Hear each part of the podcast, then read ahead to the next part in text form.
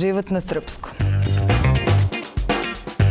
Dobar dan, ovo je Život na srpskom. Ja sam Ana Kalaba i moja gošća danas je Milana Janković, poznatija kao Mimi Mercedes ili što bi neki rekli najkontroverznija srpska reperka. Zdravo Mimi. Ćao. Ili Milana. O, pa sve jedno stvarno. Mislim ono, o, meni je Mimi pravi nadimak iz detinstva, to su mi roditelji dali, tako da u, totalno ne osjećam se da je previše nešto odvojeno od mene. Mm. A koliko, koliko se razlikuje Mimi Mercedes na sceni i Milena ovako privatno?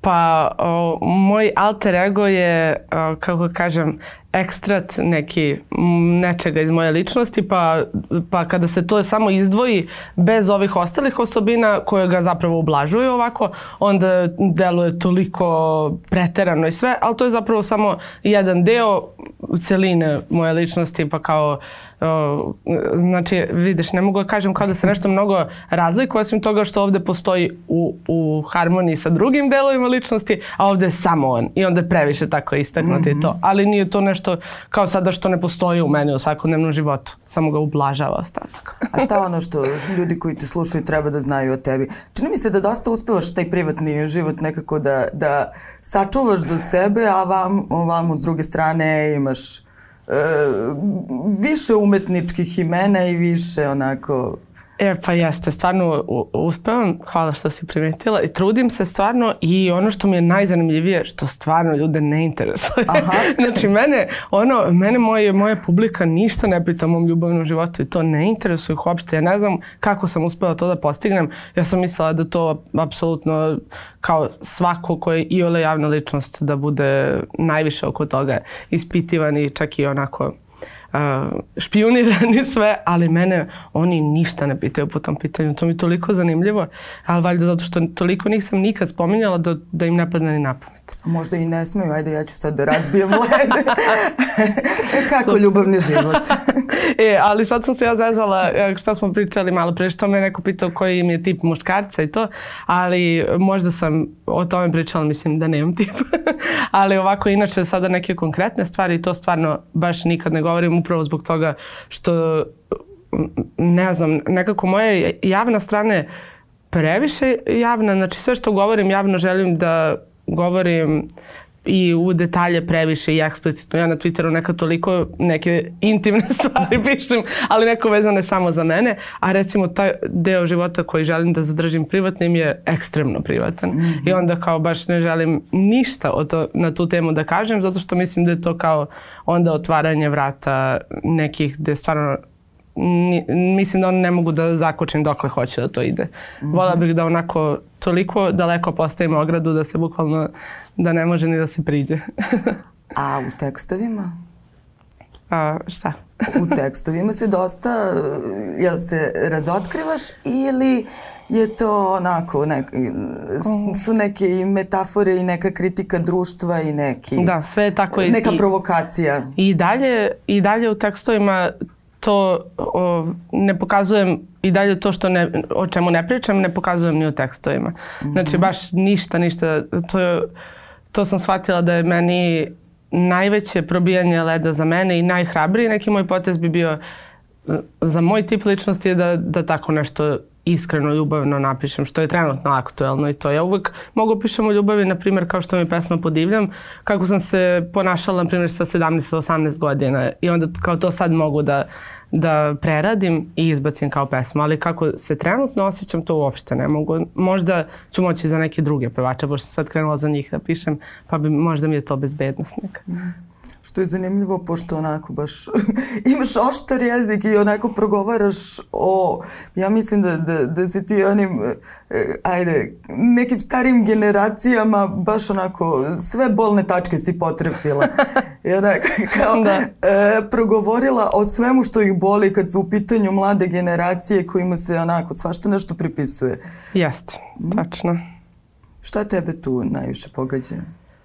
Pa mene kad sam, ono, kad sam bila mlađa, mene je pogađalo mnogo, najviše me pogađalo nešto što sam ja videla kao neko licemerje mm -hmm. i najviše sam mrzela uh, to kao bilo koji osjećaj da nešto moram da se pretvaram ili da skrivam ili da potiskujem, a što sam smatrala prirodnim i nečim što očigledno kao što se deš, što je istina, eto. Da nisam volela nekako taj moment. A s druge strane, trenutno me ništa više ne pogađa. Ali dobro, jel jeste istina e, tvoja, vaša, naša, e, to neko, e, pa ne, ne, ne bi rekla rušenje vrednosti, ali drugačije tumačenje, drugačiji ciljevi, novac ispred ispred nekih drugih priča. E, je meni za... Nećemo da rambačimo, brzo ćemo do slave. Da, to je meni zanimljivo zato što recimo kako ja doživljavam to naše generacije pričanja o novcu tako previše eksplicitno prenapadno i to ja to uopšte ne vidim. Meni je novac tu kao samo reč zato što je to zapravo simbol našeg bunta i mi smo doživjeli kao to da neko mislim da smo mi to, to, je deo tih stvari što smo mi doživljavali kao licemeri. Hteli smo uh, totalnom kontrom da postignemo to da se sruši taj moment da nešto, da nešto što je ka, sad ajde da, da ne budem previše E, nekonkretna, voljela možda da dam neki kao primer to baš sa novac bi bilo kao nismo mogli da podnesemo to da ti moraš da se pretvaraš da nešto e, da nije okej okay želeti bolji status ili bolje mm -hmm. život ili tako nešto. Onda smo namerno otišli u totalnu suprotnost i predstavili to kao da je to najbitnije na svetu. Ne postoji ni jedna osoba koja repuje o, o, o novcu, o slavi to koje je stvarno to je najbitnije na svetu. To je simbol, to je kao to je, to je način na koji smo se mi pobunili protiv nekih eto, vrednosti koje su možda nama delovale prevaziđeno. Koji su još? Pa, joj Bože, znači veruj mi, ne znam, ja se uopšte više ne sažiljavam toliko sa mojom starom ličnošću, znaš. Nije mi to, nije mi to više centar neki kao muzike i mog izraza i to taj, taj bunt je nešto što je meni prosto, što je bio trenutak u vremenu i odrastanju. A sad se osjećam onako da sve što sam ja kao klinka želela postignem da je postignuto. I Aha. čak i onako je otišlo dosta dalje nego što sam ja želela. Tako da o, sada, sada uživam u tome. Eto. Dobro, i šta je za tebe, ajde, život na srpskom, dobar život na srpskom danas? Uh, dobar život. Pa mislim, za mene lično za mene lično je e, najbolji život taj koji koji ti daje dovoljno slobode i sve, apsolutno sve što radim i sve što postižem kao na bilo kom planu je vezano za to da mi daje taj optimalni nivo slobode. Znači, tačno postoji ona neka granica gde ako, ako počneš previše da, da se za neke te druge stvari kao zalažeš, da to postane previše bitna smernica, onda ta sloboda se smanjuje, smanjuje. Tako da meni najbolji život i to je baš nešto što vidim kao najveća urednost Balkana, što može da se postigne to. Znači, nekako jeste kod nas i dalje, kod nas je baš očuvana ta vrednost da je i dalje stvarno najvažnije uh, međuljudski odnosi onako i sve se vrti oko toga, oko druženja, oko socijalizacije i u, mislim da smo uspeli uz, uz, uz sve što smo mi doživeli i kao od kad ja znam za sebe, mislim da smo uspeli nekako da održimo to kao ipak se sve vrti oko toga i, i to je svima se sve vrti oko toga, to je ljudska priroda, ali je kod nas to i dalje očuvano kao neka osnovna vrednost. I zato, eto, to je meni kao ži, najbolji život na srpskom dobro, ti si sad dosta, i, dosta krećeš i dosta si u poslu, evo bio je exit, pa uzlet, pa sad i kontakt.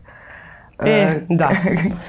e, kako tebi deluje e, ta, ta vrsta slobode i druženja na live nastupima? Uf, to mi je, to mi je ono najbolji, najbolji deo tog mog e, najboljeg života. E, nekako ta, mislim u suštini to je meni omiljeni tip e, socijalizacije. Kao postoji nešto u, u trenutno aktuelnoj uh, kao podeli u, za tipove ličnosti, znači u, trenutno kao aktuelno u psihologiji, imaš e, podvrste ono te ekstrovertnosti, da li voliš da budeš samo u masi ljudi ili zapravo kao voliš da sa mnogo ljudi komuniciraš duboko, blisko. Ja samo, ja ne mogu da imam mnogo prijatelja, to, bi, to mi baš onako opterećujuće, ne volim ni da se puno družim često ili tako nešto, ali na primjer obožavam da budem u masi.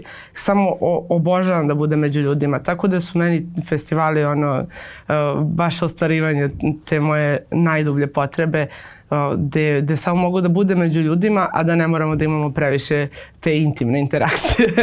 to, eto, obožavam festivale i, i to sam shvatila tek kroz nastupe, pre nisam ni znala, jer sam uvijek mislila da će mi to biti prevelika gužva, preveliki haos, a zapravo je baš, baš to što, što najviše volim. Mm. Tako da, eto, vidjet ćemo, nadam se da će mislim Kontakt festival uh, ima super moje kolege sada bit će Vojko V i Z++. Ali to su, ovo su tim, ono, baš moji ovaj, favoriti, tako da ja dočekam da se ponovo družimo na sceni i naravno u Beku. A dobro, šta je bilo ranije, kako si njih upoznala? Vojka i Aha. u, pa zna, ja sam ti u Hrvatskoj, znači podjednako aktualna kao ovde, što mi je baš previše dobro, ali tamo, tamo je ta rap scena nekako bukvalno i krenula se razvija kada sam ja uh, isto, paralelno sa mojom karijerom. Mm -hmm. Nekako nisu uopšte tamo ne, neki mlađi reperi. U jedno vreme nije bilo uopšte nekih mlađih repera u ovom fazonu koji je naš, kao da kažem ulično. Ali sada, sada, sada kidaju, ima baš mnogo repera koji su mnogo popularni i mnogo dobru muziku prave i onda su krenuli u Hrvatskoj ti baš dobri festivali, da se, er, bukvalno hip-hop festivali, samo rap, mm -hmm. to kod nas uopšte nije ni bilo. Da nema elektronske muzike na festivalu, znači to, mislim da to još uvek ne, nema kod nas, nisam sigurna. Da, Kontakt festival bi to možda bio. Može. Ima kontakt e, i Street Vision nije... su napravili sada i kod nas. Ali Street Vision je jedini koji je bio samo rap, ja mislim. Aha. Da je samo rap. Nema ni rock, ni ništa, samo rap. Tako da je to meni, uh, mislim, to je baš moj fazan skroz. Tako da sam tu, tu upoznala sve, sve te hrvatske face na Drito festivalima. Uh, I i mislim mnogo više se čak i družim sa kolegama iz Hrvatske nego nego sa domaćim, mislim baš zbog tih festivala koji su bili samo rep, da se toliko nas okupi i samo mnogo nas je to zbližilo. Mm. A e, u, čemu se, u čemu se susrećete? Zato što e, za rep je baš karakteristična ta neka socijalna dim, dimenzija i dosta se onako otvoreno i sirovo progovara o nekim stvarima koje, koje nas muče. E, da, meni... Na kojim temama? O čemu časkate u backstage-u? Pa mi nikad nećemo o nekim sad pametnim temama, tako uslovno rečeno. Mi, mi pričamo o, o mi, znaš šta je to? Da bi čovjek mogao da priča vrlo otvoreno o, o svemu i da se ne plaši posledica i tako, on mora ipak da ostane neko večito dete. Znači, Aha. mora da ima tu neku... Uh, jaku dozu neshvatanja života ozbiljno. I da bi on kao mogao priča neke kao stvari koje su jako važne, znači mislim da je to suština umetnika, da treba da se oglašava po svakom pitanju jer on nije vezan i ne treba bude vezan ni za šta kao što je političar, na primjer. Tako da da bi, on, da bi umetnik takav bio, mora da ima tu dozu neozbiljnosti, neodgovornosti i to i mi se upravo tako u beku ponašamo kao, kao neiživljena deca. i u beku i na afterima i to, znači to je prosto ono, je isto i, i ne prestaje i tako, znači ja sam mislila to se menja sa godinama i to, ali prosto mislim da smo mi ti ipak ja sam mnogo bežala od toga, ali mislim da smo mi u suštini svi ipak neki Peter Pan tipovi ličnosti, ono.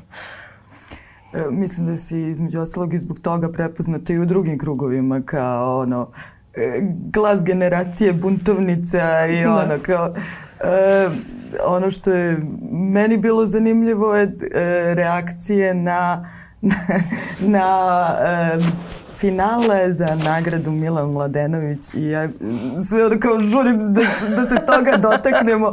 E, odakle ti u toj priči, vidim bilo je dosta, dosta iznenađenih, a onda što, kako si primetila kao neko je prokomentarisao mi mi više punk od Jer, da, neko je rekao mi mi više rock and roll od, od ovih a? ostalih, kao bukvalno ovde kao što se bunite, a ja bih rekla da sam možda previše punk za, za ovaj rock and roll sastav, tako da možda sam stvarno previše hardcore za tu ekipu i, uh, i najviše slažem sa nekim komentarom tipa možeš ti da, neko uz dužno poštovanje, znači ne kao nešto negativno za mene, to samo mislim da ona ne pripada tu. Ja se isto osjećam da ne pripadam tu, ali opet možda baš to lepa stvar kao modernog vremena što više nemamo taj moment iz 90-ih da možeš da budeš ili ovo ili ono, nego stvarno možeš da budeš toliko toga i baš se podstiče to da čovek se što više raširi i da, da dozvoli sebi da osjeća muziku, a ne da samo mentalno gleda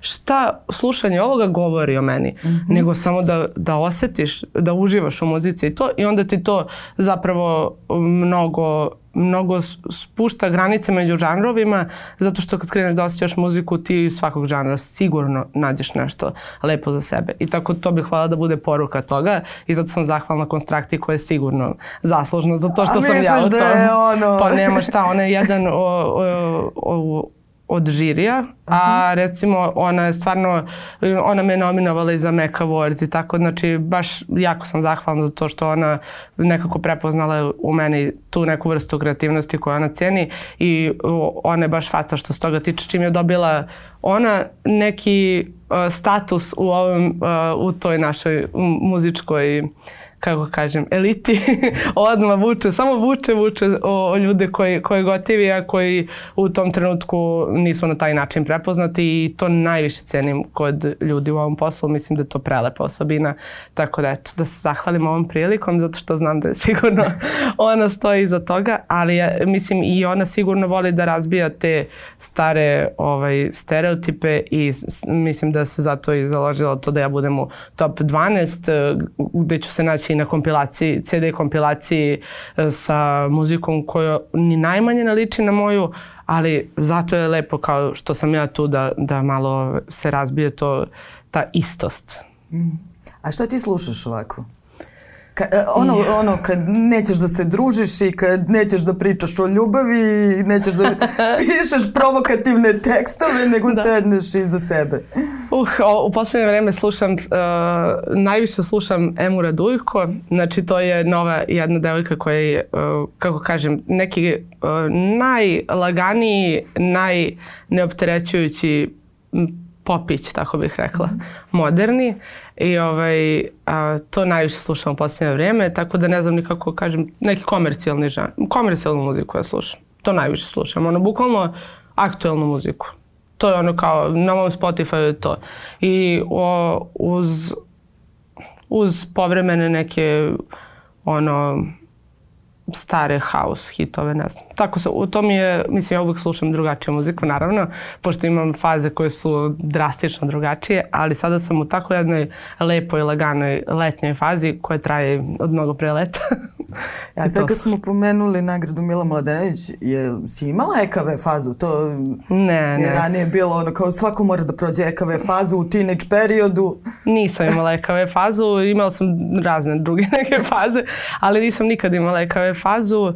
Uh, i imala sam čak jednu jaku anti-EKV fazu. Mm -hmm. To je bilo kad smo mi počeli da, da da se bavimo muzikom i bombe 90-ih sve i onda je tako nama EKV zapravo bio baš simbol nečega uh, kao uh, upravo sigurno zbog publike koja je odlučila da njih predstavi kao simbol nečega što će stalno da koriste da drugi ljudi maltretiraju.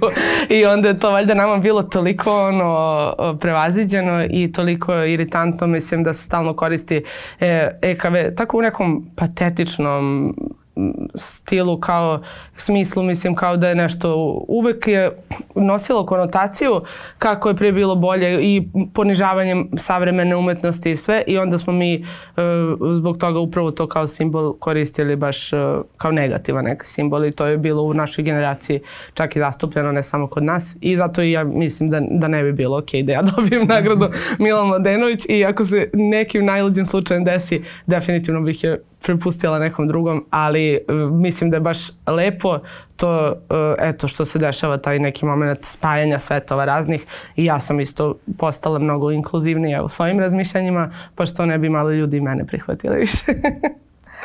A sad kad si pomenula, dosta se, dosta se pozivate na 90. Koliko, uh, ajde, ti si rođena 90-ih, nisi u pun, nisi doživela na da, isti način. Da sam tad odrastala, ne bih se pozivala e, na njih.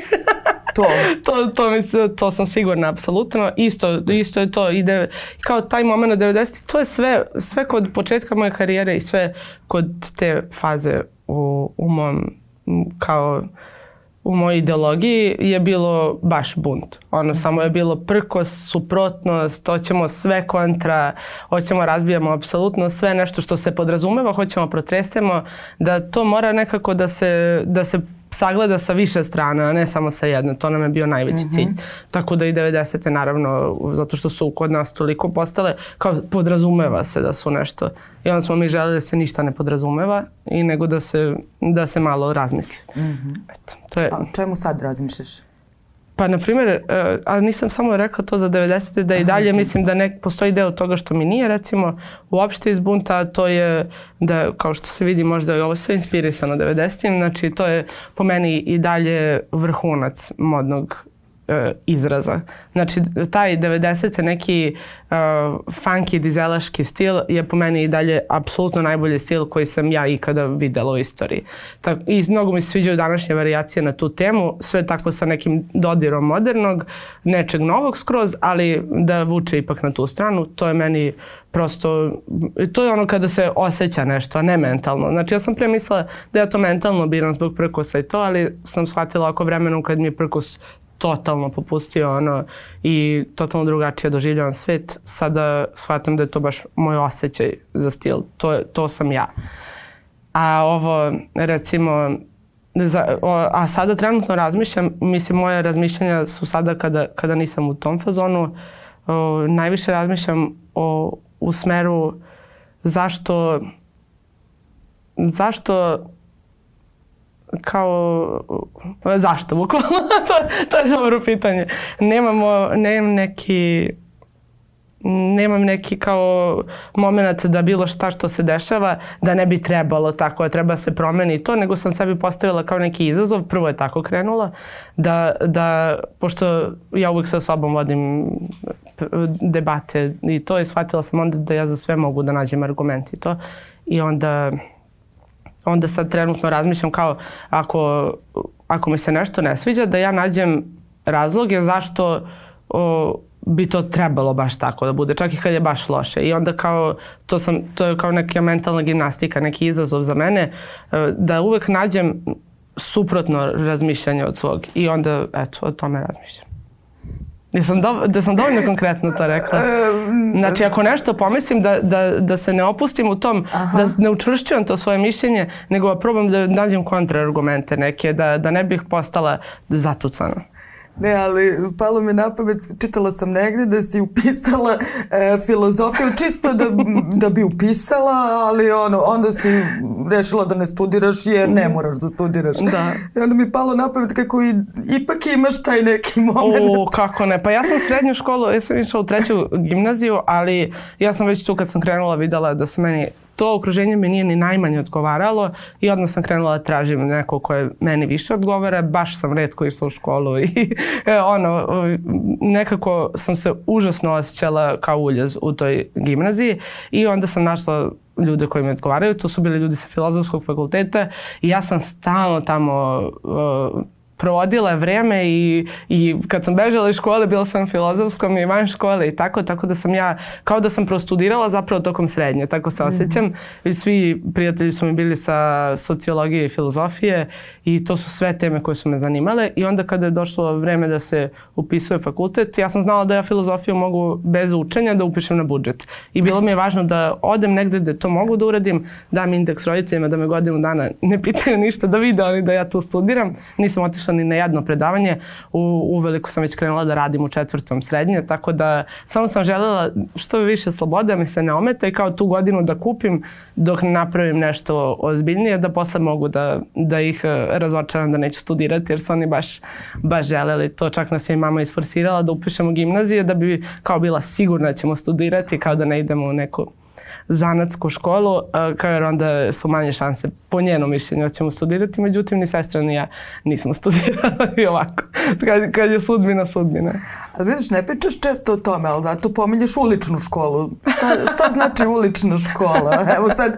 pa, ne, znaš kako, to je bilo, bukvalno kad smo mi bili klinci, ono, na Facebooku si imao neke kliše malo momente i to, A... tako da ulična škola je kod nas malo ipak, ono, na neki način izezanje, ovaj, isto. Mm -hmm. Ali, naravno, postoji i ozbiljna strana toga, a to je ovaj, prosto život u praksi.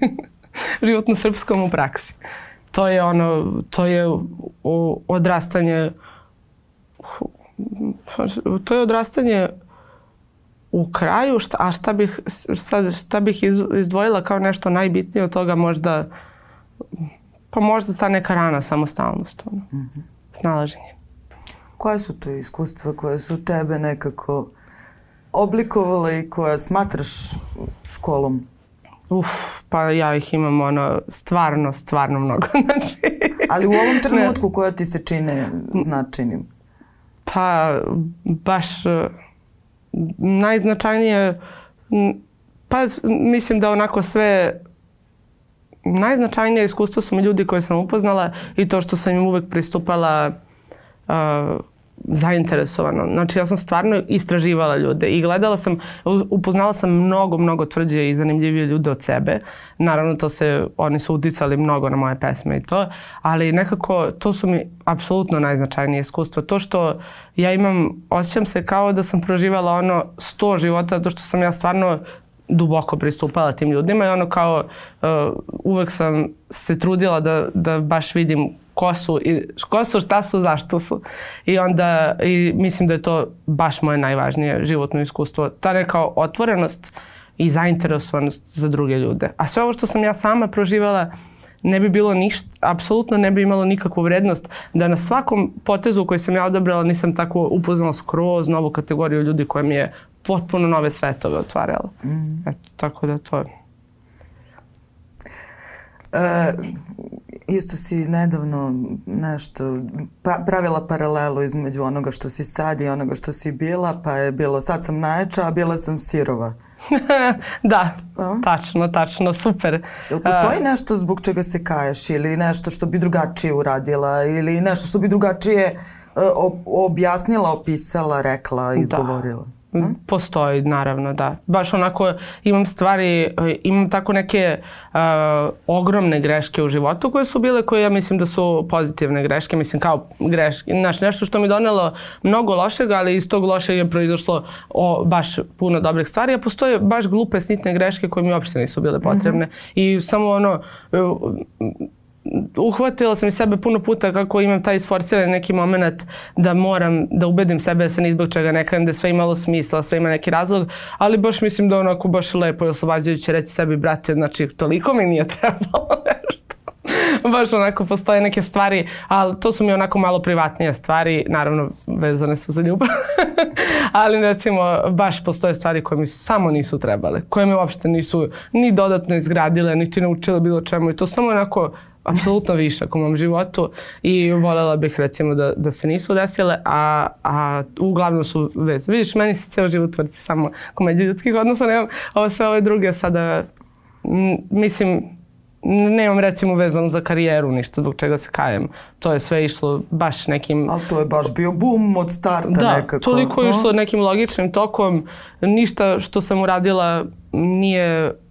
Uh, nije nekako ispadalo iz tog jednog kao previše po meni sada savršenog niza i kao smislenog, a recimo je to u, u privatnom životu, mislim, haos totalni. Čekaj, kako si ti uopšte i krenula? Mislim, ja se sećam samo odjednom je bilo kao, Prebrzo svi pričaju o tebi, pre, da. svi pevaju patike za trčanje da. i to je ono. Ja sam krenula, prvu pesmu sam snimila uh, sa, na samom kraju 2011. godine 2000, i onda sam tipa snimala tako prve dve godine možda par pesama godišnje i objavim ih tako same, ali su one bile toliko kao kontroverzne, imale su neke zanimljive rime baš i sve i onda je na rap sceni to od prve pesme baš buknulo. Mm -hmm. I prvo su me, mislim, tako ja sam malo volela da se igram i imala sam svest o, o ljudima naravno i o tome kako će reagovati. I postale su tu i namerne provokacije, ali naravno nikad izmišljene, samo znala sam šta će da je zazovu i onda mi je to bilo baš zanimljivo nekako jer kao videla se određena doza recimo humora pa mi je bilo mnogo zanimljivo kad ljudi uopšte ne mogu nikak, ne mogu samo da, da je osete ili tako nešto i da malo manje ozbiljno shvataju život i generalno kao stvari. Ali ili za neke stvari malo više ozbiljno i tako to mi se tako tad preklapalo ali o, tad sam izbacivala tako znači po par pesama godišnje, ali su izazivale ogromnu reakciju na rep sceni su odmah eksplodirale i onda posle kada sam malo veći kontinuitet uhvatila, onda je odmah postala to ozbiljna karijera i kao raširila se i mnogo dalje od rep scene. A je bilo nekih reakcija koje su tebe iznenadile? E, zato što, sećam se, na startu svi smo bili pa kao je ono to ozbiljno ili kao namerno provocira, pa je li, da. e, je li se dešavalo nešto u tom periodu dok te ljudi još nisu upoznali onako kako? Uh, imalo je reakcija koja su me jako iznenadila, to da me Milan Stanković zvao za, za fit sa njim i Miletom Kitićem, ja sam bila u fazonu, ovo se sad već paralelni univerzum dešava, baš nisam to očekivala, pogotovo u tako tim ranim uh, u ranom stadijumu moje karijere gde su stvarno bile najtvrđe moguće pesme i najsiroviji rap, mm -hmm. gde ono ja nisam bukvalno još uvek ni flow imala, nisam imala ni toliko ni toliko praksu dovoljno da to bar teče da nekako da bude komercijalnije, malo pitkije za ovo. Ne, to je najsirovija, najtvrđe na svetu. Ima je kao Milan Stanković zove, koji je u tom trenutku najpopularniji pevač kod nas. To je meni toliko ludo bilo i to je reakcija koja me naj, najviše me iznenadila, apsolutno. Baš nisam ni mogla pretpostaviti, eto tako nešto da će se desiti. A dobro, a gde vidiš sebe, ajde, u nekoj budućnosti, za 10-15 godina? Jel se i tu razbijaju neki klišeji u razmišljanjima ili... Uf, pa, pa ne znam da li se razbija time što, što ja, o, i kada sam, recimo kada sam pre pet godina, kada sam kretala karijeru, uvek sam znala gde otprilike gde vidim sebe, naravno ovo je mnogo prevazišlo to gde sam videla, ali je sve išlo u tom smeru pa je postalo još kao veće samo, ali sve išlo u smeru koji sam videla. Ja sad ne vidim apsolutno nikakav smer. Znači, nemam pojma. Baš onako nemam pojma. Ali ono što mi se dešava lepo zbog toga što ne vidim ne vidim gde treba to da bude u budućnosti i što sam baš otvorena za sve opcije. Mm -hmm. Tako da ne znam, nisam uopšte sigurna. Možda totalno prestanem bilo kojim javnim poslom da se bavim, možda se skroz posvetim porodičnom životu. M nemam pojma, možda postanem televizijsko lice, znači ne znam šta će da se desi. Mo možda samo pišem tekstove za druge, možda i dalje budem reper. Ja nemam ni najmanju ideju trenutno. Za 10-15 godina mi deluje kao skroz drugi život, a i bit će sigurno drugi život. Dobro, ili imaš bar ideju za neki sledeći korak? Za prvi sledeći tek imam. O, i snimila sam fit sa Sarom Jo. Eto vidiš, to nisam mogla da zamislim da će se desiti mm -hmm. uopšte. Tako krenula, odatle što sam krenula da pišem za druge ljude, tako da uh, sada promovišemo tu pesmu. Za to samo mogu otprilike da imam ideju.